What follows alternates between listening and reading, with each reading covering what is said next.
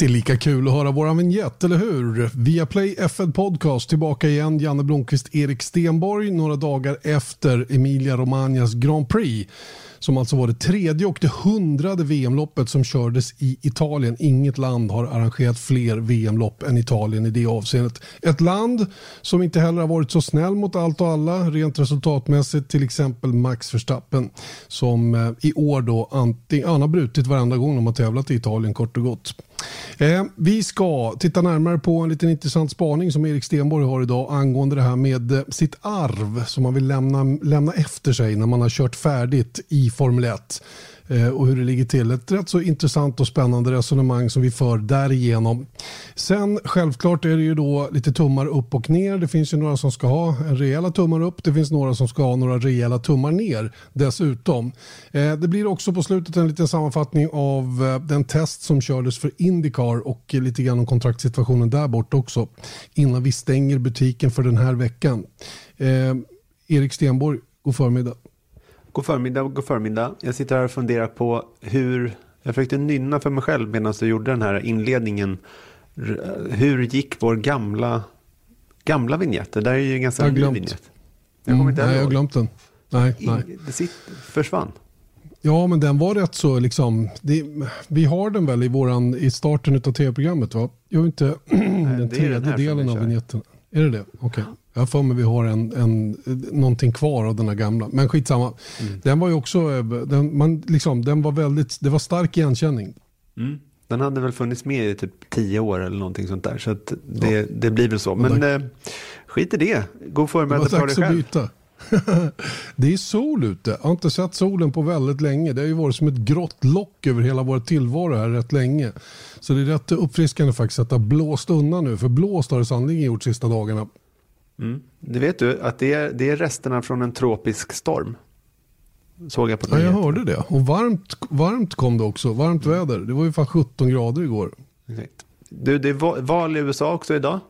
Tisdag. Just det. Den 4 november. 3 in. november såklart. Och eh, jag tar solen som ett gott tecken. Du gör det. Ehm, ja, det blir ju intressant att följa. Man slog på morgon-tv i morse så insåg man att det var... Man undrade vilket land man hade vaknat i. Eh, ja, det var i Sverige fortfarande hoppas jag. Det ser ut som ja, det. Fast det, var, det var väldigt mycket rött, blått och vitt i studion ja. dock. Ja, ja. Nåväl, det blir säkert spännande. Eh, jo, som utlovat då Erik, en liten spaning från din sida som eh, tycker jag är rätt så spännande faktiskt. Det ska bli intressant att höra ditt resonemang runt omkring det här. Ja, jag hoppas det också. Ja, men det är lite den där grejen att det, det finns ju så mycket sådana här eh, vad ska man säga, runt bedömningar i, i Formel 1. Liksom, och de är allt som oftast väldigt subjektiva. De kanske man håller sig för sig själva sett i våra yrkesroller och så vidare. Men jag tänker ändå liksom lite att man har tankar, alltså personliga tankar runt förare och vad de har gjort och allting sånt där. Och det, det som dök upp nu var ju i veckan då, eller i lead-upen till, till racet på Imola här då, var det ju att det dröjer med Hamiltons kontrakt och han hintar faktiskt om att Formel 1 kanske inte ligger i hans framtid speciellt länge. Eh, och jag tänker också att på att bara det faktum att det är faktiskt november och han har ingen kontrakt. Jag tror aldrig att han har varit så att säga utan kontrakt så här sent på året någon gång tidigare. Eh, och, och, det är lite det här hit jag vill komma då, att vi har pratat väldigt mycket om hans statistik och hans person. Förra veckan så spenderade vi liksom halva avsnittet om att prata om Hamilton som person då. Men den här eh, hinten runt att han kanske inte kommer fortsätta till 2021 är, fick mig att fundera på hans arv eller värv eller legacy som det heter på engelska. Det är ett starkare ord tycker jag. Eh, och, och då tar man det vidare kanske ännu längre, att det inte bara är Hamiltons legacy eller arv, utan det är hur man minns förare efter att de har slutat och att det för mig, rent subjektivt i alla fall, faktiskt spelar, spelar roll hur de slutade och var de var när de slutade. För sättet jag ska se tillbaka på deras karriärer. Mm. Det är väldigt, väldigt spännande det där när man väljer att hoppa av, varför man väljer att hoppa av och vad man vill lämna efter sig. Och då finns det några rätt så bra exempel i närtiden då som, som vi kan lyfta fram här som, som eh, där, där man har resonerat lite olika, eller hur? Mm, verkligen, och då, jag tänker direkt då på, på Nico Rosberg som fem dagar efter säsongen 2016, eh, då han alltså hade säkrat sin första och enda VM-titel då meddelade att han skulle sluta. Och det kom ju verkligen som en blixt från klar himmel. Jag kommer ihåg att jag var på kontoret då och liksom man ringer, jag tror att du ringde mig och sa så här, nu är det här hänt och man tror liksom inte att det är sant. Jag menar, nu jobbar vi med det här så det blir en väldigt stor sak i, i vår värld. Men jag gissar att väldigt många tänkte som vi då. Och han var ju då 31 år. Han var som sagt då regerande världsmästare på liksom höjden av hans karriär. Och han hade kunnat fortsätta och även om man inte skulle komma nära Hamilton igen i VM-sammanhang, vem vet, nu, nu fick vi aldrig se det igen då, men, men han hade lätt kunnat liksom hova in massor av pengar. Han var en regerande världsmästare, han hade säkert fått förlängt av Mercedes lika länge som han ville, men han sket i det. Och han hade liksom uppnått det han ville och lämnade. Och på, på något sätt så, och det här är ju också en väldigt subjektiv bedömning, men på något sätt så var det nästan som han, han gav liksom långfingret till Hamilton genom att säga att jag slog dig, F1 är inte viktigt för mig längre, fortsätt du att tävla i dina bilar, jag har bättre saker för mig. Och återigen, han sa inte det här, men jag tolkade det så rent subjektivt. Jag tror inte du var ensam om att dra och göra den tolkningen till att börja med. För det kändes verkligen så. Han tänkte inte ge chansen till Hamilton att slå honom tillbaka. Och det tror jag sved lite grann i Hamilton. I alla fall på det, i det korta perspektivet. Sen eh, så som jag har lärt känna Rosberg-familjen också så, så eh, förstår man lite grann att, att eh, Rosberg också är smart nog att inse att den här prestationen han hade gjort skulle bli väldigt, väldigt svår att upprepa. Och då var ju frågan, då ställde han sig frågan, är det värt att fortsätta med det här och kanske inte lyckas med det igen med all den ansträngning som krävs? Och svaret på den frågan var nej. Mm. Ja, det var ju det. Och, och då, liksom, det var coolt gjort. Jag kan inte släppa det. Att personligen så tycker jag att det var väldigt coolt att göra, coolt att göra på det här sättet. Liksom ett perfekt sätt att sluta. Och man kommer liksom alltid tack vare det här då minnas honom på toppen. Det var liksom ingen tappad form. Han blev ingen mittfältsförare som brottas med liksom åldersrelaterade problem i att hänga med i bilen. Och liksom det sista man såg av Nico Rosberg som aktiv Formel 1-förare var i ett liksom berg av, om det nu heter det, ett moln av däcksrök efter att ha säkrat mm. titeln i Abu Dhabi på start och målraken. Jag menar, det... He went out with a bang kan man säga. Och det är ju det som är lite coolt. Och det är det här som är så svårt som idrottsman utan att jag på något sätt kan relatera till hur de har det. Det var, var ganska långt ifrån VM-titeln själv. Eh, och, och den typen av framgångar. Va? Men tänk dig att ha den insikten att lägga av när man är på topp. Och mm. att veta när man har nått toppen. Det kanske är lättare för en sån som Rosberg att, att komma till den insikten i och för sig. Mm. Med tanke på att han inte var självklar att slå Hamilton hela tiden. Det var ju snarast Hamilton som förlorade VM-titeln det året än att Nico Rosberg vann den. Tycker jag i alla fall. Mm. Sett till hur de har presterat både före och efter. Och, och ehm, för en sån som Hamilton så är det ju, titta hur han ligger till idag. Han leder oerhört dominant och har väldigt, väldigt god chans att ta en, en titel till nästa år. Ska han då komma till den insikten nu att han inte vill fortsätta så som Rosberg gjorde den gången. Ja, och det, och det är det här som jag, liksom, det för, för oss osökt in då på Hamilton då, för att han är 35 år gammal, snart sjufaldig världsmästare, den statistiskt bästa föraren i historien. Och alla liksom förväntar sig att han ska försöka knipa den här åttonde titeln så han är ensam herre på täppan liksom. Eh, Schumachers sju Eh, han har åtta då och sen dessutom flest segrar, flest ball positions och allting. Och verkligen slå spiken i kistan. Men då tänker jag liksom, personligen då är jag en sucker för liksom lite oväntade slut. Och lite min yrkesroll är att liksom förmedla stories inom den här sporten. Och jag vill att han ska kliva av efter den här säsongen och säga att den åttonde titeln inte behövs. För alla vet ju och jag ska försöka motivera det här, för jag tänker så här att det är klart att på pappret så blir han verkligen ensam om man tar sin åttonde VM-titel 2021. Men alla vet ju att med väldigt stor sannolikhet, med tanke på hur reglementet ser ut i 2021, att han kan ta den där åttonde VM-titeln. Det är nästan sannolikt att han kommer ta den. Och därför, om han frivilligt ger upp den, är det nästan coolare tycker jag att inte ta den. Förstår du? Ta den, menar jag. Och, och jag mm. tror att på mm. allvar alltså, att det skulle liksom stärka Hamiltons arv på något vis. Liksom rent psykologiskt hos folk i att han bara, nej, han hoppade av. Han tyckte inte att det var viktigt längre. Han hade liksom uppnått det han ville. Det vi till syvende och sist hamnar i, det är ju varför en idrottsman håller på. Mm. Vad är det man söker? Vad är det som driver en framåt? Vad är det som gör att du vill lägga ner allt det här arbetet för att nå det ultimata målet? Mm. Och det ultimata målet verkar ju vara ett rörligt mål beroende på vem du är eh, och vad du försöker att uppnå så att säga. Och jag är kanske inte heller helt 100% säker på att den där åttonde titeln är den extra drivkraft som Lewis Hamilton behöver. Han är rik som ett troll. Mm. Han har alla tänkbara framgångar som man kan ha i den här sporten. Och eh, precis som du säger, det är inte säkert att han själv känner att en åttonde titel behövs.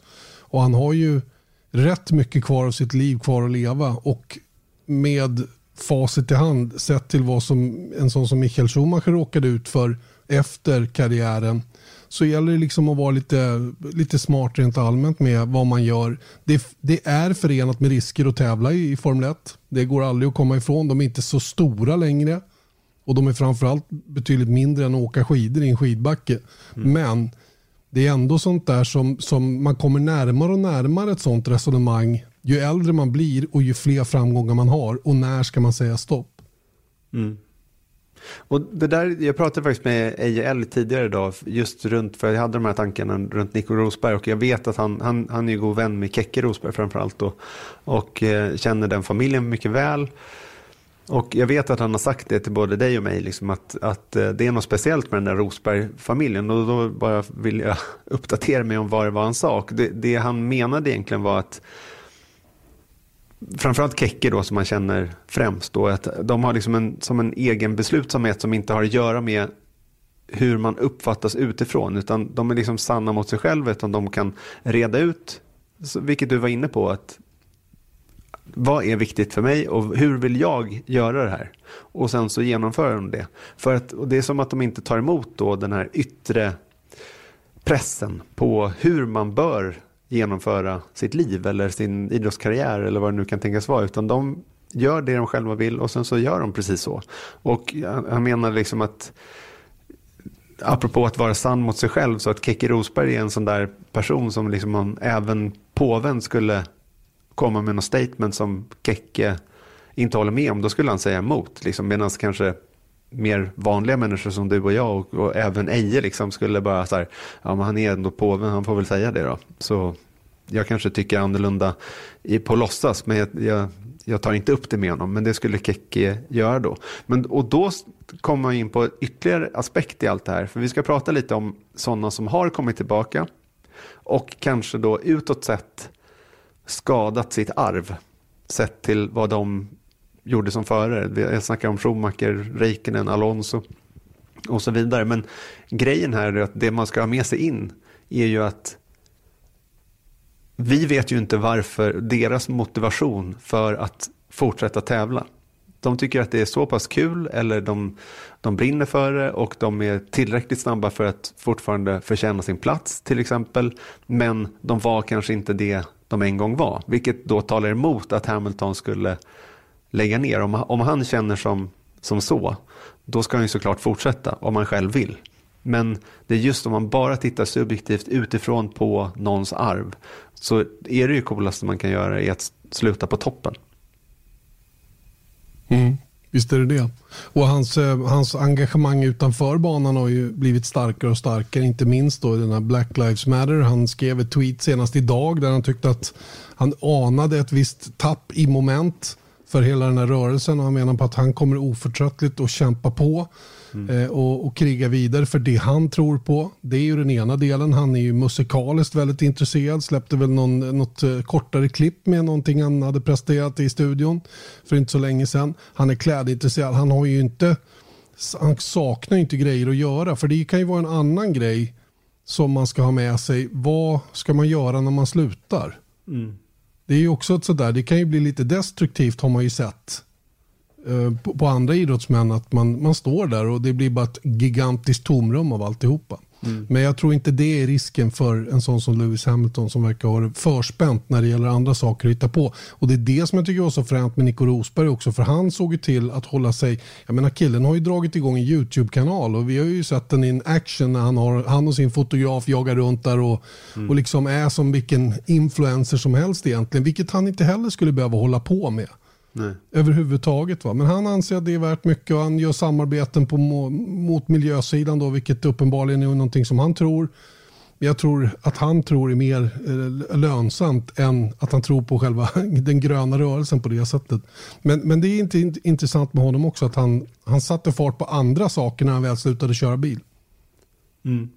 Men då, då kommer vi tillbaka hit och, och, vi kommer hoppa lite fram och tillbaka i, den här, i det här ämnet. Men jag tänker på just det där, min tes då om att det skulle stärka Hamiltons legacy i Formel 1 om han klev av plötsligt, oväntat, lite likt vad Rosberg gör. Och då tänker jag på en sån som gör det, och att, att han gör det när han verkligen är regerande världsmästare. Ehm, och förutom Rosberg då som gjorde det 2016 direkt efter att han vunnit den här VM-titeln är det bara fyra förare som aktivt slutat som regerande världsmästare. Vi har Alan Prost som var den tidigare personen efter Rosberg då, eller innan Rosberg som gjorde det. Han vann VM 1993 eh, med Williams och la hjälmen på hyllan. Men han var dock 38 år när han gjorde det så det var liksom ingen riktig chock att han, att han valde att kliva av. Han, han var ju på väg ut på ett eller annat sätt inom snar framtid. Nigel Mansell vann han också VM för Williams 1992 och han hade lite kontraktstjafs där som gjorde att han lämnade Formel 1 för kart och körde i USA framgångsrikt.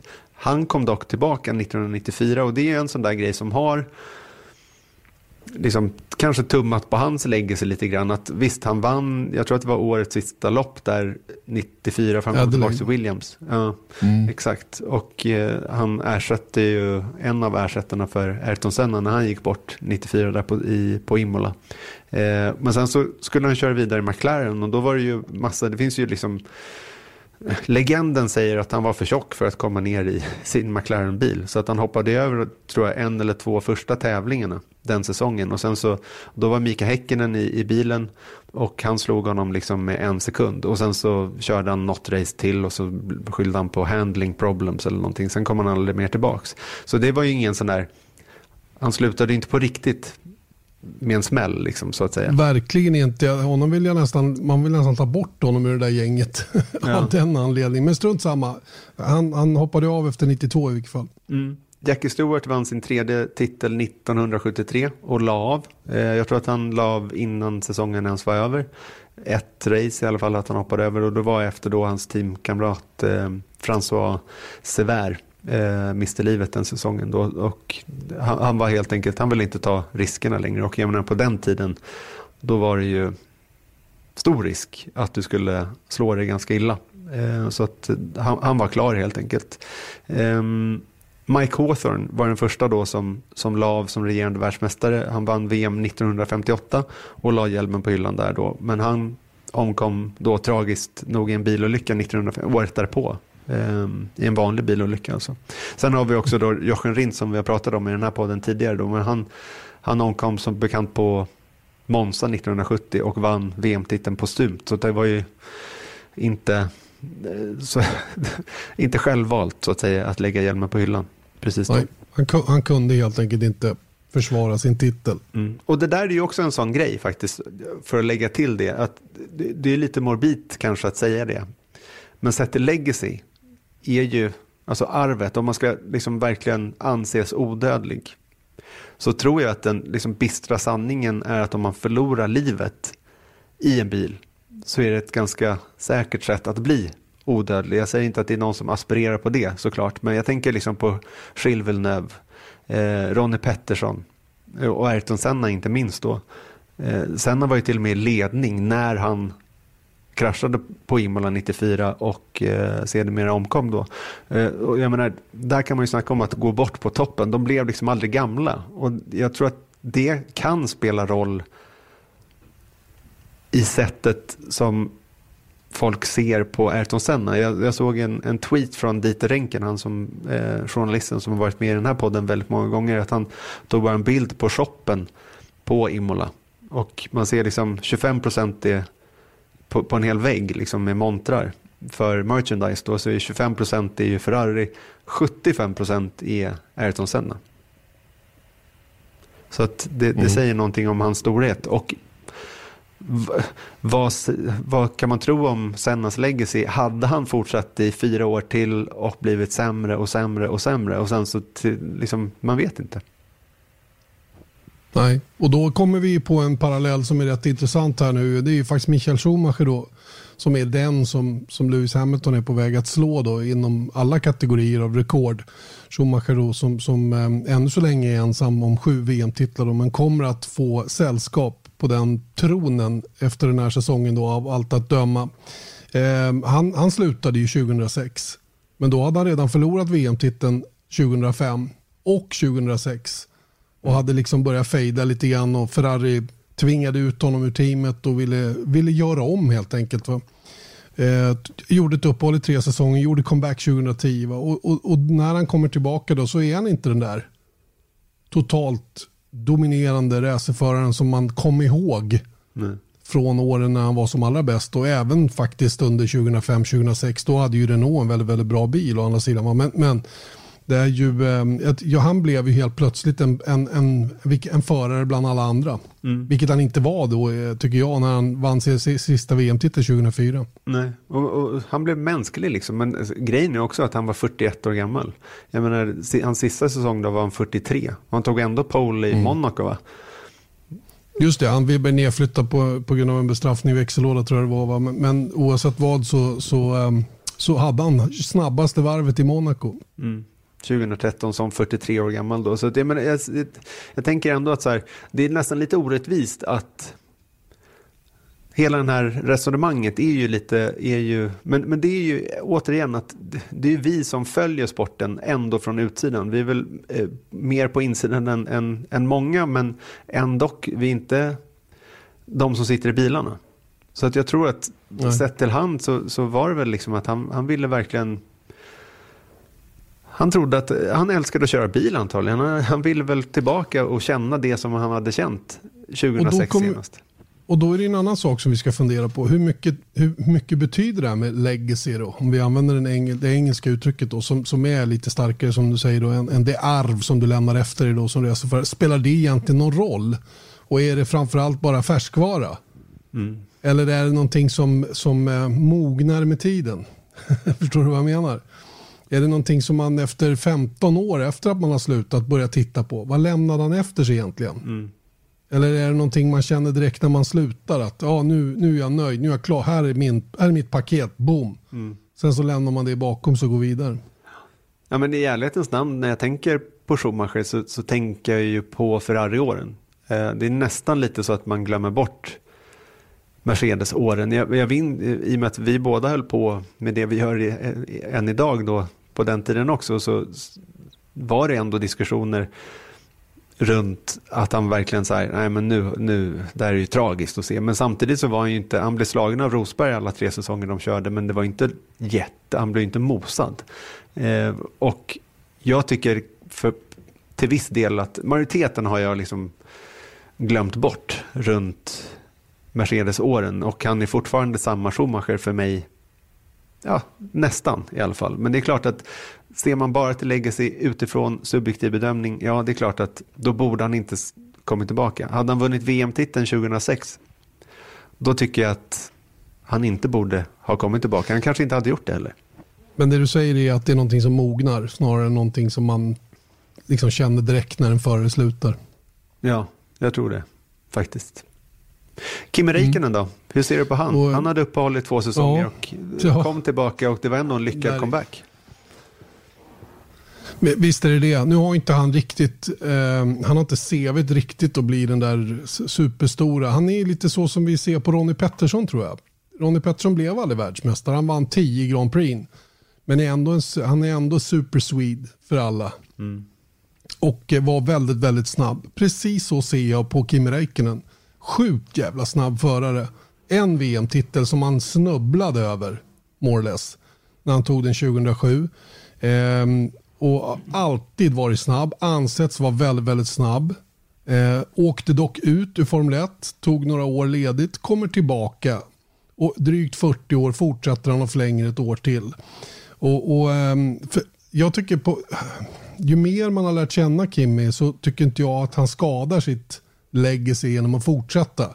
Att, att kvala in 18, 19 och ibland sist. För man förstår förutsättningarna runt omkring. Va? Men, men, och jag menar, ta loppet senast som var riktigt, riktigt bra från Kimi Räikkönens sida. Så, så blir, jag blir inte störd av det på det sättet. Va? Jag kan tycka att han får passa sig för att ligga och harva för länge. Självklart. Mm. Men, men ehm, för, för jag tycker att när man är, när man är 40 plus och, och hänger i ett år till, då tycker jag nog ändå att man ska ha, möjlighet att göra någon form av resultat. Annars kunde han ju hitta annat att köra som är roligt. Men han älskar verkligen Formel 1 och jag tror att det är det som är grejen med honom. Han har, han har ju provat den andra världen och kommit tillbaka. Och det är uppenbart så att han, han är så fantastiskt förtjust i att köra Formel 1. Hela den här världen. Att han vill inte sluta än. Han är inte där än. Nej. Oavsett vad det betyder. Och är det någon som skiter i sitt legacy så är det han. Helt övertygad. Ja, ja. ja det, det tror jag också. Men skillnaden där är också att Schumacher var 41 när han gjorde comeback och jag tror att var inte Kim Räikkönen typ 33 när han gjorde det. Jag menar det var inte så konstigt att han valde att komma tillbaka när han nu fick chansen med Lotus som det var då. Och jag menar han, eh, han gjorde ju väldigt bra ifrån sig sett till comebackmässigt. Men det är ju samtidigt det som händer nu då är att jag menar, folk har ju frågat Kim Räikkönen om så här, är det nu du slutar? I stort sett sedan han kom tillbaka. Men han fortsätter ändå och på något sätt så är det liksom Kim har ju alltid haft lite så här, i min bok i alla fall, lite så här fri plåt att göra vad han vill. Och det, ja, men det är lite som han är också. Bra beskrivet tycker jag. Ja, så att på, på något sätt så, men ändå då, hade han inte kommit tillbaka och bara lämnat Ferrari som han gjorde då 2009 var det va? Och jag, jag vet inte om hans legacy hade varit starkare då. För det var ändå inte så att han slutade på topp, för han, han, han, han var ju omotiverad och lite på dekis det där sista året av kända anledningar att han blev liksom uttryckt av Ferrari lite likt Schumacher då. Men, men eh, det, var, det var inte så att han slutade på topp hade han gjort det och inte kommit tillbaka Mm. därefter. Mm, Nej, nej, så är det. Och, och ja, nej, det är, han är en intressant förare i det avseendet, helt klart. Eh, vi har ju ytterligare en då som står på, på randen av att starta om sin karriär igen nu då. Det är Fernando Alonso då som, som eh, det är länge sedan han vann VM till att börja med. Han var ju den som bröt Schumachers dominans 2005-2006. Han, vi vet att han har varit ohyggligt nära, åtminstone tre gånger till. Eh, hade han bara haft nio VM-poäng till så hade han haft tre VM-titlar till och varit uppe på fem och varit inskriven i historien som en av de absolut största. Här har vi dock en förare, tror jag, som är väldigt eh, mån om sitt arv och vad han presterar. Jag tror att det är en stark drivkraft hos Fernando Alonso att att sätta avtryck, att markera för alla att han är skitbra. Och det där att han missar de där tre VM-titlarna till, det svider nog fasansfullt i honom. Jag, jag får den känslan så som han är beskriven som, som människa också för mig. Eh, långt innan jag ens började träffa honom överhuvudtaget. Så förstår jag att han är en, eh, en den här tävlingsdjävulen som han besitter. Den är nog starkare än hos någon annan just nu. Mm. Ja, jag, håller med dig om den saken. Men grejen med Alonso är också att han började ju liksom det är ett starkt ord eh, att säga förstöra, men han, borde, han började åtminstone liksom skrapa lite på sitt eget legacy under sina sista år med McLaren. Just för att han framstod ju som en, en eh, gnällig barnunge i många fall. Liksom, när han klagar på Honda. Och, jag menar, visst, det var frustrerande men, men han, jag upplever inte utifrån att han eh, hjälpte sin egen situation. Sett till var... vare sig resultaten eller sitt eget legacy. Fast grejen är att, att han använde den typen av retorik, eh, som att han, det var viktigt för honom att fullständigt pulverisera Stoffel van Dorn. Han dödade ju Stoffel van Dorns karriär, bokstavligen. Mm. Mm. Eh, och gnällde, gnällde så till den milda grad på Honda att han inte ens fick köra med Honda-motor i Indycar. Ni förstår mm. hur långt det här har gått då. Mm. Så gjorde han ju det enbart för att skydda sitt varumärke och i slutändan sitt legacy. Mm. För att han, han ville inte framstå. Mer, han visste jag. att han, Ja, tycker du. Men han ansåg ju att han inte gjorde det. Han, han ville ju verkligen vara tydlig med att jag är skitbra trots att jag sitter i sunkigt material. Och det var ju hans tes till att skydda sig själv så att säga. Där är ni två inte eniga om det då så att säga. Men så tror jag att han har resonerat. Jag tror också att han resonerade så, men jag tycker att det liksom backfired på, på honom själv. Och jag tror att hade han varit så här äh, men alla vet att Formel 1 är, en lagsport i viss mån och då, han var ju ingen lagspelare och jag menar, det där har ju funnits även när han var i Ferrari egentligen, att han, han, han har ju ett rykte om sig. Eh, vilket jag har hört personligen då från folk som har jobbat närmare eller i samma team som honom är att han, han är eh, difficult. Svår att jobba med helt enkelt. Och det tycker jag skadar ett anseende också som inte har bara med resultat att göra. Ja, det är en intressant diskussion i alla fall. Det här med eh, vilket arv förarna lämnar efter sig. Och vi, ska ju inte, vi ska inte anklaga vare sig den ena eller den andra föraren för att inte bry sig. De kanske skiter högaktningsfullt i vad de lämnar efter sig. Den andra kanske är väldigt måna om det. Men, men det är spännande att resonera om det i alla fall. Inte minst med tanke på att Lewis Hamilton är på väg att fundera på sin framtid. Inte på väg att han håller på att fundera på sin framtid som vi ändå tror fortsätter över 21 och kanske något år till. Jag tror kanske att det är det som är kroken just nu varför han inte signar. Det är hur långt kontraktet ska vara. Vad tror du? Mm. Ja, men det är väl lite det som har varit det. Och sen så finns det vissa teorier då runt eh, Toto Wolf att deras liksom framtida karriärer i Mercedes är, är, är sammanlänkade på något vis. Att de ska liksom eh, ja, signa tillsammans i, i någon form eller inte. Så kan det kanske bli. Vi får se. Hörrni, vi, vi släpper det helt enkelt. För vi vet ändå inte. Och det är ingen idé att spekulera vidare i just den biten. Utan vi landar lite grann på tummarna upp och ner då efter Emilia Romagnas Grand Prix. Där vi alltså eh, fick se eh, Mercedes ta sin sjunde raka VM-titel, konstruktörs-VM-titel.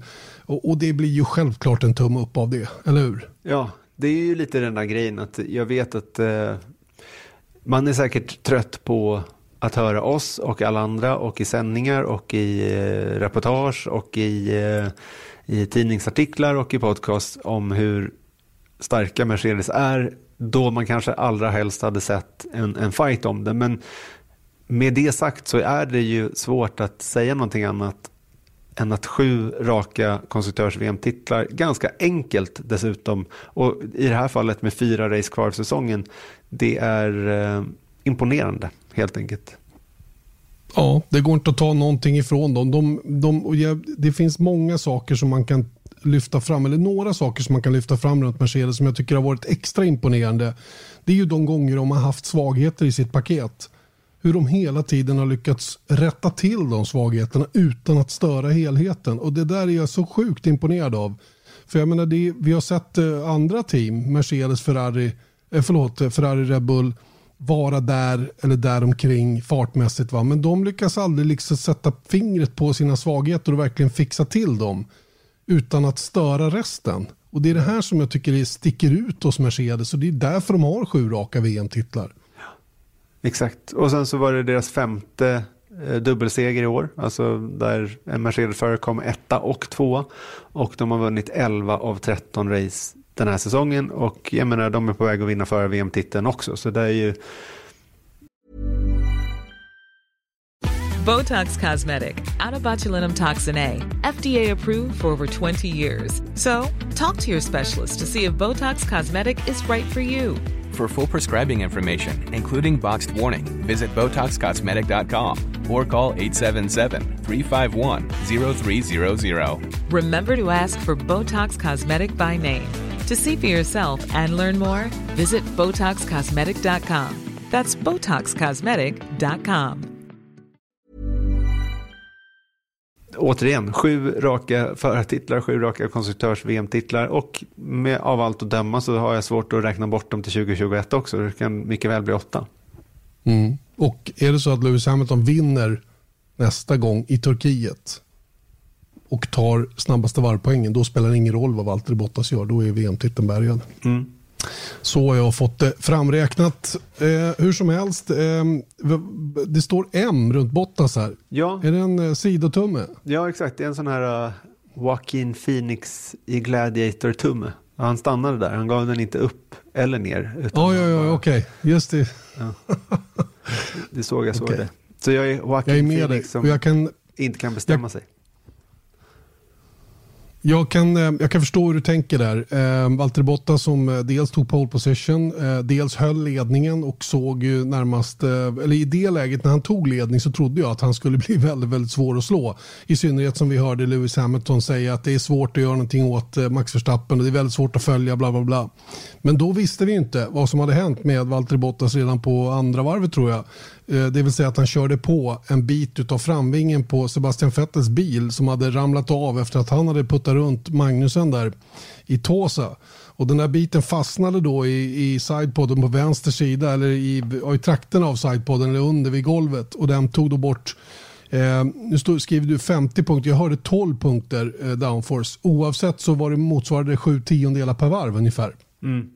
Eh, Ja, det var vad- jag hörde. som sa 50 Eh, points. en knapp sekund. inte vad, det, det är svårt med Ja, det där med okej. points överhuvudtaget. Nej, det, ja, det är ju, och det säger ingenting heller. Vi kan bara konstatera att den där grejen ska inte sitta där. Och det är ett av de känsligare ställena på bilen rent aerodynamiskt också, där den fastnade. Så att man kan förstå att han hade det lite kämpigt med känslan i bilen som då absolut inte var som den han borde ha haft. Och eh, det visar sig ganska tydligt också då att eh, när Max Verstappen, de hade ju också hört, eller säkert noterat att det var någonting som inte lirade riktigt för Bottas. Så de försökte sig på en undercut som dock inte funkade. Eftersom Bottas reagerade på den eh, och, och såg till att komma ut framför för Verstappen så, så öppnar ju det upp eh, banan så att säga för Lewis Hamilton istället. Då. Men, men den där medeltummen för Bottas den, eh, den, den stämmer nog rätt så bra tycker jag. Jag tycker ändå att han gjorde det men, mot bakgrund av de, de grejerna han hade runt. Det bara att slå Hamilton i ett kval är nästan värt en tumme upp, eller hur? Ja, och det är lite det jag vill liksom landa i där också. Och, och jag, menar, det är också, jag kommer ihåg att jag, pratade, eller jag frågade Björn om det. Hur känns det liksom när man, och, och vad är grejen med att liksom tappa downforce? Och det, jag vill bara liksom sätta det i perspektiv lite till runt att han liksom tappade så mycket tid på Hamilton och, och, och sådant. Och det var ju väldigt tråkigt för det såg ju väldigt bra ut för Bottas vid det läget då. Men grejen är att tappar man downforce på det viset så blir det liksom en ond cirkel. Man är inte tillräckligt med downforce vilket gör att bilen för det första kan vara instabil och oförutsägbar i sig själv då för att den reagerar inte som den ska. Speciellt när det är som det var här och, och jag vet inte exakt hur det kändes för Bottas men när det är på en sida då kan det bli liksom ojämnt. Det kan bli liksom svänga till höger kan vara okej, svänga till vänster kan vara mindre okej. Eh, men framförallt då så, så när man tappar marktrycket så får man inte heller igång däcken. Så att när man pratar om 0,7 sekunder eh, Ehm, 0,7 sekunder per varv. Det är en stor grej att köra runt också. Det tyckte man såg liksom när han var på väg in i Rivazza där hela tiden och missbedömde saker hela tiden. Och det var ju en väldigt viktig kurva för att täcka av Verstappen som, för det var ju i kurvan därefter äh, sen gick man ut på start och mål och det var ju då man kunde bli omkörd. Så att det var ett jäkla tufft race och återigen, jag, jag tänker liksom på om jag var Bottas, jag har ju inget, ingen, inget psyke vad gäller tävling överhuvudtaget. Eh, men jag skulle känna mig helt hjälplös alltså. Om, om, om man var med om det här som, som Bottas är med om hela tiden. För att jag menar, det finns ju, sen så var det också en sån grej att han, Hamilton var antagligen förbi redan, men jag tänker på en sån grej som med virtual safety car. När man snackar om tur och otur som vi snackade om med eh, Science eh, veckan. Jag menar, det, det, han har inget flow överhuvudtaget. det, det, kan man verkligen inte säga.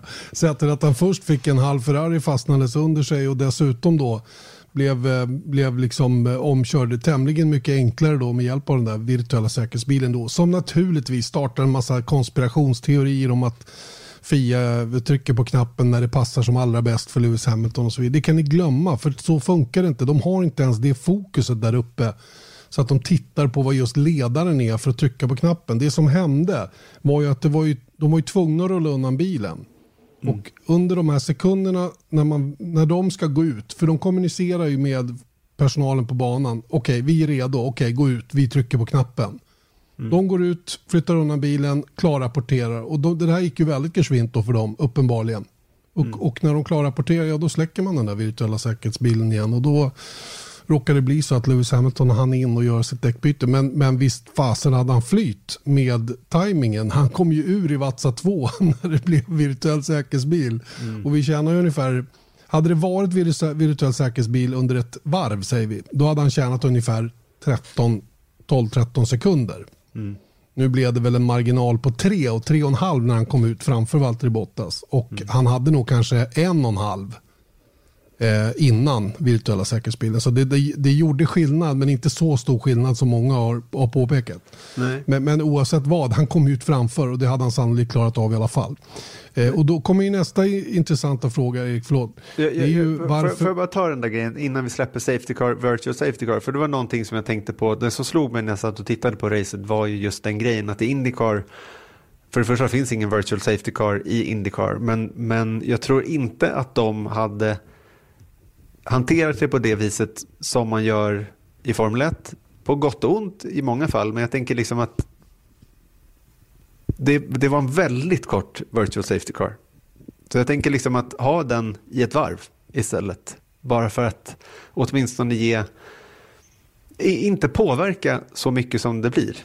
Förstår du vad jag menar? Att om de nu måste ta ut den, försöka mm. liksom neutralisera det för alla. Så att det åtminstone inte är, är starkt påverkat. För det är lite det som är grejen med virtual safety car. Att du inte ska hålla på och liksom ta bort folks luckor hit och dit. Men när de kör, alltså jag menar, vad var det, 20 sekunder? Max. Som det ja, var. Max. Inte ens det tror jag. Nej.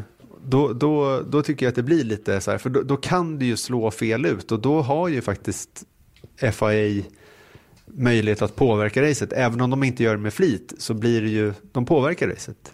Basta ja, men det gör de ju även om de förlänger den virtuella säkerhetsbilen. Jag vet, men de gör ju samtidigt då möjligheten för, för fler att, att eh, neutralisera det. Och då menar jag kanske inte mm. specifikt det här, som du säger, hade de varit ännu längre så hade det blivit en ännu större lucka eventuellt då för att han hade redan eh, varit inne och allt vad det var. Men jag tänker rent generellt sett att det kanske borde finnas, jag bara lyfter frågan, det kanske skulle finnas en mm. minimitid för virtual safety. Att, att ja, och, och, att det måste vara minst, minst ett helt varv när man väl tar ja. ut den. Ja, jag vet.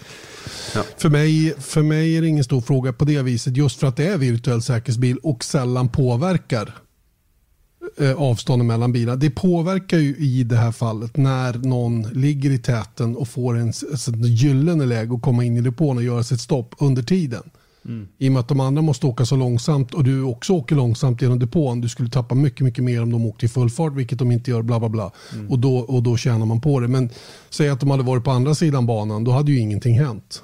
Och det, hade, det är det som är min grej här. Det hade det varit så, då hade de tryckt i alla fall. Det handlade inte om att, att Hamilton fick hjälp av det i det här fallet, utan det, var bara, det var bara tajmingen som blev väldigt bra för hans del. Mm. Eh, vad var jag på innan? Vi pratade... Du skulle gå vidare efter Virtual Safety Car då. Apropå med Bottas Just det. gissar jag. Så det var ju någonting där. Deal ja, with it. det har jag glömt nu. Det har jag glömt nu. Men vi fortsätter i vilket fall då med, eh, med, eh, med Max Verstappen då. Tycker jag. Yep. Som du eh, vill ge en tumme ner den här gången. Lite Ja. förvånad över måste jag säga. Ja, alltså, det, det var inte hans fel heller, men det som jag ger tummen ner för är ju att nu är han 35, po- 35 poäng bakom Bottas då efter eh, att han inte kom i mål. Då. Det var inte hans fel enbart såklart då. Och just som du nämnde i inledningen här att Italien inte är hans grej i år. Tre race i Italien, tre icke Eh, Ja, han har inte tagit målflagg i Italien helt enkelt under 2020.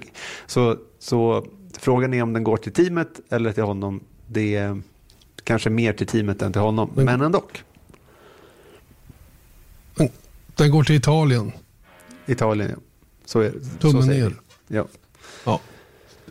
Italien och Red Bull får den gemensamt. Jag tror, eh, jag tror Pierre Gasly han är lite tvådelad där. För eh, han hade ju inget vidare flyt heller. inget vidare flyt eh, heller på Mugello. Men däremot så gick det ju väldigt, väldigt bra på Monza. Så jag vet inte riktigt vad han tycker. Han har ju dessutom Italien som hemmabas för teamet och hela den grejen. Va? Det, det är verkligen av eller på där kan man väl säga för Gasly. Som ändå helgen blev en tumme ner för honom då, om vi säger så. För han kvalade ju sjukt bra, fyra. Mm. ja, det var ju sjukt imponerande och det var ju Alltså, vad var det? Han tangerade sitt bästa kvalresultat och det hade han ju tagit året innan då med Red Bull. Så att kvala fyra med en Alfa Tauri på en sån här bana och det såg ju bra ut under träningen också. Så att det var ju väldigt synd att man inte fick se honom mer under racets gång då. Men just det faktum också att det här hände ju någonting innan start. Det måste vara otroligt surt att, vara, att inte ens få chansen. Okej om man liksom bränner sina chanser och kraschar i likt George Russell som vi kommer till senare. Men här var liksom, man knappt får starta innan det, innan Ja. det händer. var en svets och en vattenläcka. En svetsskarv och en vattenläcka. De trodde de hade fixat det, men det hade de alltså inte. Utan eh, den fick en vattenläcka bilen och de var tvungna att bryta då med Pierre Gasly tämligen tidigt i loppet. Eh, en rejäl tumme upp då till Daniel Ricciardo som inte har fart för att bli trea. Det har han verkligen inte, men han blir trea ändå två gånger. Ja, men du, vi väntar lite med Daniel Ricciardo. För nu tycker jag att vi ska ändå plocka in en sak som har med Verstappen och Gasly att göra. Och du kanske tänk, kan tänka dig vad jag är inne på här. Ah, ja, ja, ja, såklart. Vi landar ju i stackars Alex Albon. För är det någon som ska ha en tumme ner den här helgen så är det Alex Albon. Tyvärr alltså. Du, press. Vi pratade om det, att det kanske är rätt nu att de gör, sätter lite press på, på Albon. För nu har de supportat honom, åtminstone vad det verkar. Och eh, det har inte funkat speciellt bra. Så nu, nu ska vi sätta lite press på honom istället. Men det blev inte bra det heller. Nej, och nu vet jag sjutton. Jag har ju jag har den senaste tiden trott att han har haft en livlina och den livlinan blev allt starkare när Pierre Gasly bekräftades för Alfa Tauri. För då tänkte jag så här kort och gott att okej, då bestämmer de sig helt enkelt för att köra Gasly Synoda i Alfa Tauri så behåller de Albon i Red Bull ihop med Max Verstappen. För det egentligen spelar det ingen roll vem som kör bredvid Verstappen så länge som Verstappen är på den nivån han är. För att Mercedes är ändå för starka för att få stryk av Red Bull i konstruktörs-VM.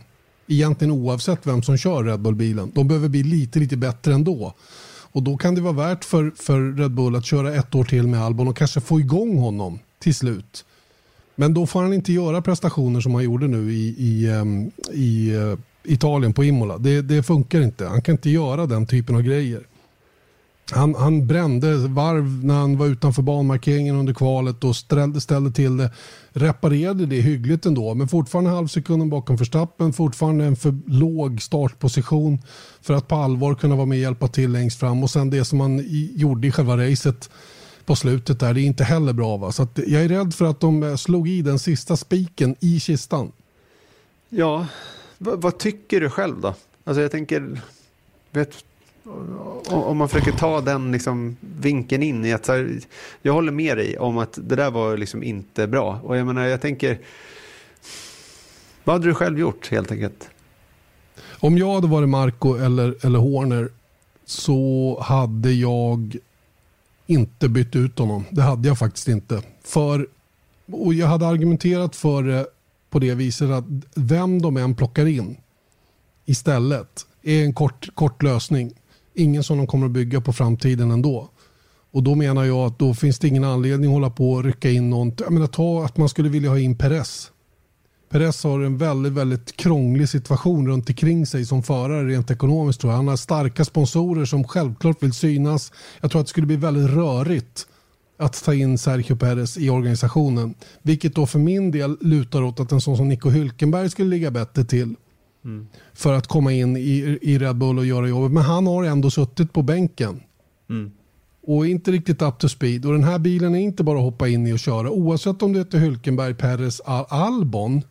Man får, nu verkar det som att han är totalt värdelös att köra bil. Att Gasly såg ut att vara helt värdelös att köra bil såg det ut som när han körde det. Men det är han ju bevisligen inte, eller hur? Nej. Så det Nej. är ju någonting i hela, hela upplägget här som inte funkar riktigt. Va? Och då blir det himla jobbigt för Red Bull att byta ut den här andra föraren hela tiden. Va? Utan jag tror att de, de tjänar på att behålla Albon. Faktiskt. Se mellan fingrarna nu, kör på och hoppas att det släpper till nästa år. Undrar vad jag skulle göra. Mm. Jag hade sett det som ett gyllene tillfälle att låta oss se hur det går att ta in en annan förare. Om inte annat så, så bygger vi upp våra stackars juniorer igen om inte ens en Hylkenberg skulle klara av det. Det är lite, lite långsiktigt kanske, eller lite, lite svår ekvation att ta hem. Men jag, det känns ändå som att så här, men det kommer ge ganska mycket PR om vi tar in en, en eh, Hylkenberg. Det, är främst vi i Red Bull som bryr oss om vårt juniorprogram att det alltid ska vara så. Nu visar vi i alla fall lite så här, men låt oss prova någonting annat. Det är ett mellanår i Formel 1. Det finns inget bättre tillfälle att ta in en extern. Och funkar inte det, ja men då tar vi upp eh, Gasly eller Tsunoda som har gjort en eh, fantastisk 2021-säsong. Eller Albon om vi sätter honom tillbaka i, i eh, Alfa Tauri, hur det nu ska få plats med. Eh, eller vidare liksom. Jag, jag, tycker det finns anledning att prova saker 2021. Ja, du kanske har rätt, eller så har jag rätt. Vi får se hur de gör. Vi, vi, eh, det ska bli spännande att se vad de kommer fram till i vilket fall som helst. Jag tror inte att benet är avsågat helt och hållet ännu. Det hänger en liten tråd fortfarande för Albon. En extremt liten och skör en. Men jag tror att han har, och de har rätt krångliga diskussioner tror jag i Marco Horner, kanske Mateschitz också, om hur de ska göra framöver. För att de, deras pool av mm. förare och, och, att Pierre Gasly måste ha, ha, hamnat väldigt i frysboxen det är ju fullständigt uppenbart eftersom han inte ens är övervägd att plockas upp i teamet då med anledning av, eh, vad som hände då under förra året innan Albon tog över. Så att jag, jag, mm, det, den känns ju svår att få till för deras del. Va? Så att jag, jag tror att, att Albon kör på. Ett, ett litet tag till tror jag det innan jag ändrar mig. då så, Daniel Ricciardo som du var inne på. Just det. En solklar tumme upp. Han greppar tag om fjärdeplatsen i VM. Han har tagit två pallplatser i år, lika många som sista året med Red Bull. Innan det här året då hade han inte tagit en enda pallplats på två och ett halvt. Och där kan vi snacka legacy, kanske, om man vill. kan man göra. Man kan säga Holy Mac and Cheese Balls också om Just man vill det. det. Eh, men, men vilken bra kille alltså. Han sa något annat så här, något annat om balls också. Han har förkärlek, förkärlek till, till balls på något vis. Han har sagt det någon gång tidigare.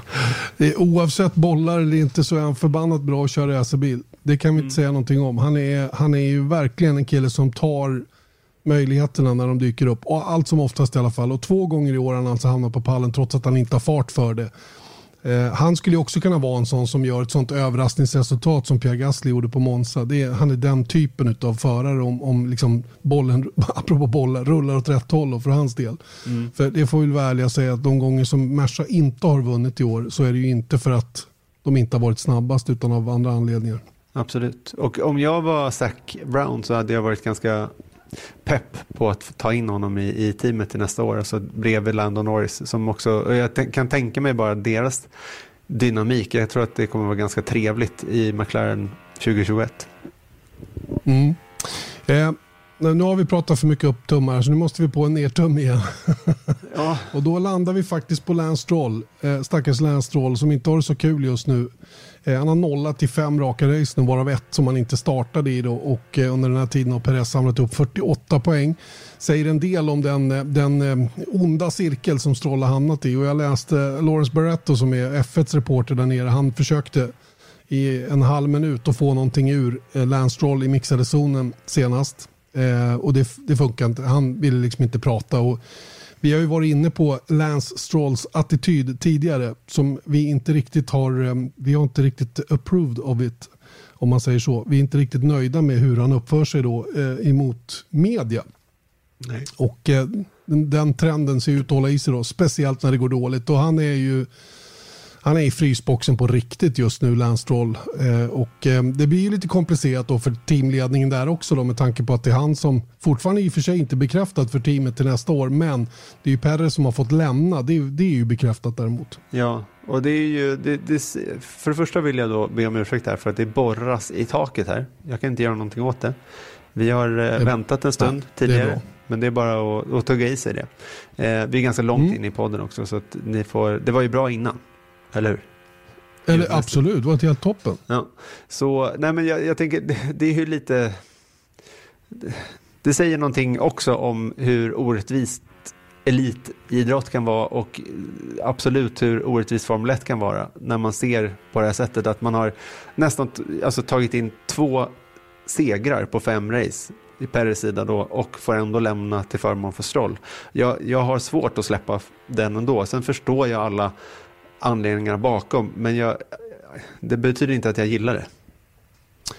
Nej, jag tror inte det är någon som gör det om vi ska vara riktigt ärliga. Han, han är ju svår att tycka om Lance Stroll. Alltså jag, jag kan inte med killens liksom, attityd. Jag känner ju inte honom överhuvudtaget. Jag vet inte hur han är att gå på middag med eller umgås med, vara kompis med. Men den, den, det han visar mig de gångerna jag har varit ute, det, det är ju under all kritik tycker jag. Och då, då, det, jag tycker det är onödigt på det, i den positionen man är. Och det har varit lite diskussioner nu, så har jag sett på sociala medier, om att vissa förare då stryker man medhårs när de gör misstag och andra de, de får sig en jävla skopa trots att de har gjort ungefär exakt samma grej. Eh, och vi kan, vi kan då faktiskt glida in på på, på nästa man då som faktiskt får en tumme ner, nämligen George Russell då, som gör ett fruktansvärt misstag. Han ligger alltså på poängplats i det här läget, värmer däck och får en, en, en, en hjärnsläpp och kör rätt in i muren istället bakom säkerhetsbilen. Och, och, och då kommer andra förare in och tröstar honom då. Eh, när Romain Grosjean gjorde samma sak i Baku då blev det bara hånskratt hela tiden. Och, och, och lite så är det ju med en sån som Stroll också.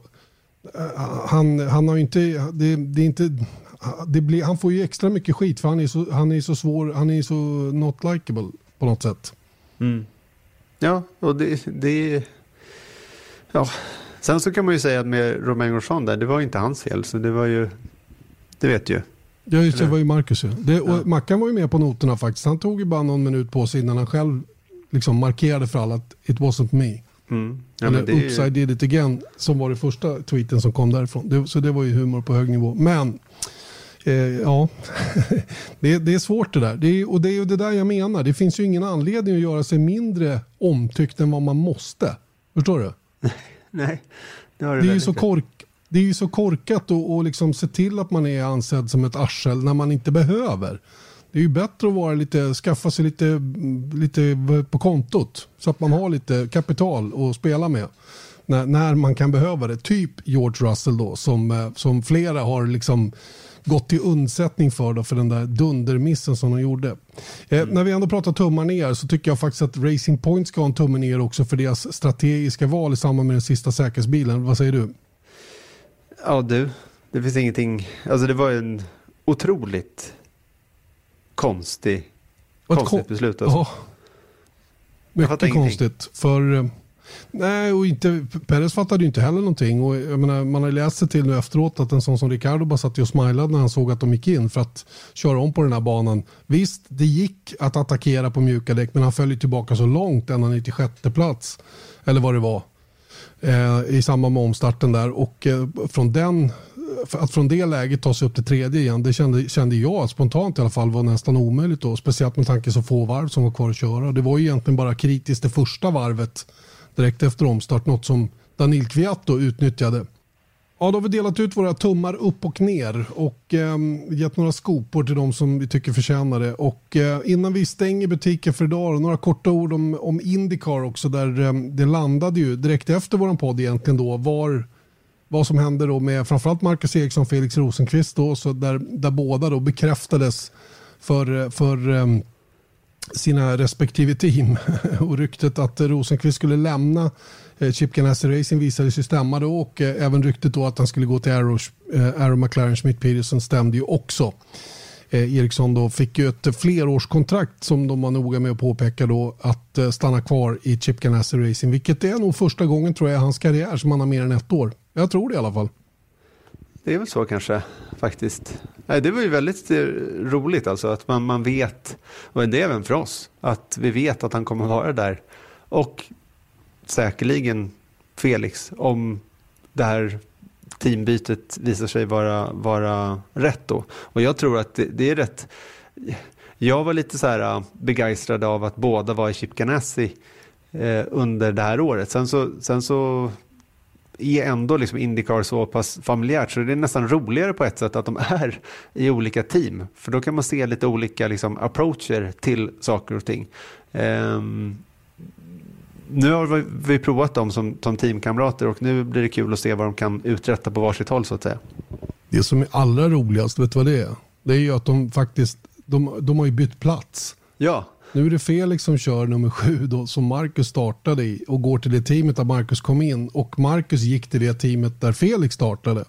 Precis. Så det, det, är lite, och däremellan då ett år tillsammans. Det är lite fascinerande att det kunde bli på det viset också. Sen, sen kan man alltid diskutera hur det här teambytet då är, om det är bra eller dåligt att gå till ett annat team än det som vinner mästerskapet och har vunnit mästerskapet en faslig massa gånger och är kanske det ett av de mest eh, vinstrikaste i Indycar eh, och gå till ett team då som, som inte ännu betraktas vara ett av de riktigt stora teamen i serien. Då. Ehm, jag är väl inte helt säker på att han har bytt upp sig direkt. Eller det tror jag inte han har faktiskt. Eh, jag tror att han har gått åt sidan eller kanske till och med lite snett neråt. Åtminstone inledningsvis. Eh, och sen får vi se vad, vad, vad de kan hitta på där. Det här är ju ett team som håller på och bygger upp och blir någonting tillsammans med McLaren då har ju naturligtvis hjälp av faciliteterna i Woking i, i, i England. Hur mycket de kan dra nytta av det när det är två helt olika koncept och det är ju inte väldigt mycket som de kan göra eller på en Indycar-bil men det är ju framförallt ett stötdämparprogram som behöver bli bättre. Mm. Men du vet, det tar ju tiotalet år innan man får någon snurr på någonting sånt och får en databas där man verkligen har någonting att jobba med. Mm. Så att eh, det, det, är, det är lite uppförsbacke för deras del i det avseendet. Va? Sen så lyckades de väldigt bra med den här nya bilens, eh, eller de nya grejerna på den här bilen, nämligen aeroscreenen då till i år. Det har vi sett på Pat Ward, han har ju varit grym. Eh, inte fullt så stark har ju, har ju Oliver Askew varit. Va? Så vi får se lite grann vad det tar vägen för Felix. Men eh, som sagt, det roligaste av allt är ju att han stannar kvar i mästerskapet. Mm. Ja, men, och jag tror, jag vad, vad, gäller eh, just McLaren, att det sägs ju att han har fått en väldigt bra deal, menar han, eh, han och hans management i alla fall, vilket är ju jättekul. Eh, så länge det stämmer. Men det är just också den grejen att det är ju så pass jämnt i Indycar och det är hans tredje säsong. Han vet vad han behöver av en bil. Och jag, menar, jag tänker också på den här grejen att jag såg någon, eh, jag tror att det var en artikel i Indystar där de pratar om så anledningarna bakom just för att lämna Ganassi som är en av de här Big Three-teamen och gå till, gå till eh, McLaren då som inte är det än med ambitioner som du precis säger. Men det är just den där grejen att Pato Ward slutar fyra i hans första hela säsong i Indycar. Jag menar, potentialen finns där att göra det och inte en Scott Dixon i vägen så att säga. Eh, ja, som, fast, nej, nej, men, det, det var ju, också, Exakt, men det var ju deras eh, liksom, tankar runt i den artikeln. Eh, jag, jag, tror inte heller att det är ett automatiskt steg upp, men det kan ju vara en bättre deal för Felix, så att säga. Så, vilket gör det till, en, till ett steg upp. Det, ja, det, det, tror jag att det, det, är bättre. Det, det var nog enda möjligheten för honom att köra vidare var att gå till McLaren, som jag ser det. Mm. Eh, då det förmodligen inte fanns förutsättningar ekonomiskt att vara kvar i, i Chip Ganassi Racing. Men jag förstår inte riktigt det resonemanget att det skulle vara bra att flytta ifrån ett toppteam bara för att Scott Dixon finns där. Jag menar, Scott Dixon kommer inte att köra för all evighet. Det kan vi vara rätt äh, säkra på. Och, och det, alla har ju pratat i termer av att Felix värvades in för att vara den naturliga ersättaren. Mm. Så varför flytta då efter två år? Ja. Äh, det är det jag inte riktigt får ihop. Va? Så att, jag, men, men jag, har inte all in, jag har inte all insyn i hela den här diskussionen heller i vilket fall som helst. Så det, det, är svårt att egentligen ge sig på det där Eh, eftersom man behöver vara med under alla möten och höra alla diskussioner och, och allt sånt som är. Mm. Jag är bara glad om det är så att han fick en bra deal. Absolut, kan inte vara bättre. Och jag menar, man har inte så himla många aktiva år så det är lika bra att, att, att smida medan järnet är varmt. Sen får vi se om det här var ett smart beslut eller inte. Det, det, det återstår att se skulle jag vilja säga. För Erikssons del så är det ju nu viktigt att han får köra på ett, det har han påtalat själv, det är viktigt för honom att köra på ett år till med samma ingenjör, samma team, samma gäng runt bilen. Eh, ett gäng som var helt gröna när den här säsongen startade. Som nu har fått ett år under bältet och blivit klart bättre när vi pratar depåstopp och hela den där grejen. Va? Och, och Brad, hans ingenjör och Marcus, de verkar jobba väldigt bra ihop och har en idé om vad de ska göra för att ta nästa steg och så vidare. Jag tror att den typen av kontinuitet är också viktigt. För Felix blir det nu en omstart då i ett helt, med, med ett helt nytt gäng så att säga. Då. Mm. Men eh, just i det här mästerskapet så är det nog ändå förhållandevis lätt att byta. Där bilarna är lika trots allt. Nu är det en annan motor då i, i, i McLaren-bilen än vad det är i, i Chip Ganassis bil. Men i övrigt så är det ju samma grejer. Förutom då hur man ställer in bilen och vad man kör för stötdämparprogram. Japp. Ska vi säga någonting så om att, eh, själva testet också som eh, ja, genomfördes på. Barber Motorsports Park i Alabama? Etta. Just det, Re Renus VK var snabba. Just det, för um, um, ska vi se Hurta. vem det var som var två. Colton Hurta var det och sen var det um, Award. Tre. Award ja, du har, du har listan framför dig där. Mm. Det var bra. Jag kommer inte ihåg det där riktigt. Um, jag bara kommer ihåg hur den såg ut vid lunchtid där. Men, men um, det vi kan konstatera då är ju att um, att Renus VK som sagt då uh, var snabbast uh, och att uh, jag tror att det är så att vad heter de, Ed Carpenter Racing då är eventuellt är lite sponsornöd, om det kan ha spelat någon roll i hur, hur det där resultatet kom till under gårdagen. Eh, för, eh, för Rosenqvists del så har han ju fortfarande den här frakturen i högerhanden som hämmar honom ganska ordentligt och han var faktiskt av banan inte mindre än två gånger igår redan efter fyra varv första gången. Eh, och, och eh, det blev inte mer än fyra varv fram till lunch. Sen efter lunch då fick han väl upp 53 tror jag. Det blev 57 totalt, stämmer det? Eh, han fick upp 53 totalt ja. Ja, 53 totalt. Okej, okay, så 50-49 då efter lunch. Och eh, det slutade en timme för tidigt det också med ytterligare en avåkning, en, en smäll i muren då som, som kostade lite bantid för hans del. Då, och eh, som han själv sa så sa han att det kanske var den största utmaningen han har varit med om hittills i karriären då att köra Barber Motorsport Park med en fraktur i handen som han då ådrog sig med, eh, i fighten med eh, eh, Bobby Kimball på Harvest Grand Prix på Indianapolis Motor Speedway. Eh, Ericsson och de eh, valde att köra bara ett set däck före lunch och eh, satsade mer då på att köra mer fräscha däck då efter lunch. Eh, teamet har ju varit rätt måna om att eh, försöka göra bilen bättre på nya däck. Eh, de har haft lite körigt med det. På begagnade däck så, så är de jättenöjda med, med livet. Va? Men just på nya däck så vill de bli starkare då så att säga. Och det är ju någonting som Marcus har känt av såklart. Det känner vi ju igen att han har haft svårt att, att hitta de där sista hundra tiondelarna i kval. Men även Scott Dixon har haft samma bekymmer egentligen under den här säsongen. Så att eh, vi får se. Både Dixon och Eriksson var i vilket fall före Palou i listan. Jimmy Johnson, den fjärde bilen för Chip Ganassi, hade lite att jobba med kan vi konstatera, eller hur? Mm, han, var alltså, han körde 100 varv, han körde eh, mest av alla och eh, var ändå då, sett till Rinus VKs tid så var han ja, nästan 2,8 sekunder bakom. Eh, det är en bit bort och då kan man snacka legacy igen då. Där har vi ju eh, den mest framgångsrika Nascar-föraren genom alla tider och eh, det är inte helt lätt att eh, sätta sig i en formelbil. Helt enkelt. Nej, verkligen inte. Men å andra sidan, Antonio Felix da Costa dök upp. Portugisen som, eh, kör, som är regerande Formel E-mästare och kommer att köra vidare Formel E. Eh, kommer dit och, och är 7-10 från, från bästa tid på en gång. Så att, det, det, är klart att bakgrunden i racing spelar väldigt stor roll och Jimmy Johnson har i praktiken ingen formelbilserfarenhet överhuvudtaget utan har, har bestämt sig dock för att eh, eftersom han är så känd som han är då kan, kan skaffa sig den möjligheten då, göra ett försök köra vanliga och stadsbanor då, eh, i Indycar kommande säsong. Eh, just det, så ser det ut med detta.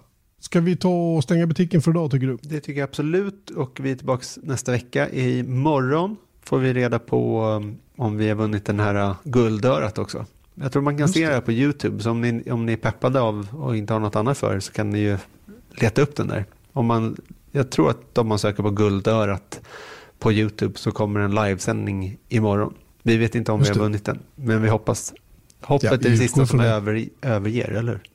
Just det. Jag har köpt guldhattar så det är klart. Vad bra. Jag vill ha guldhjälm. Kan ni inte fixa det? Guldhjälm kan du få. Ja. Det kan du få. Jag, jag fixar till något. Jag tar fram en gammal Jofa jag har och, och lackar den. Nej, jag menar en racinghjälm fattar du väl? Ja, du menar så ja. Okej. Hörru, nu stänger vi det här för idag. Vi eh, återhör på nä- nästa vecka och då är det dessutom racevecka igen för då har vi eh, Turkiets Grand Prix framför oss. Tills dess, hej då, ha det bra. Hej då!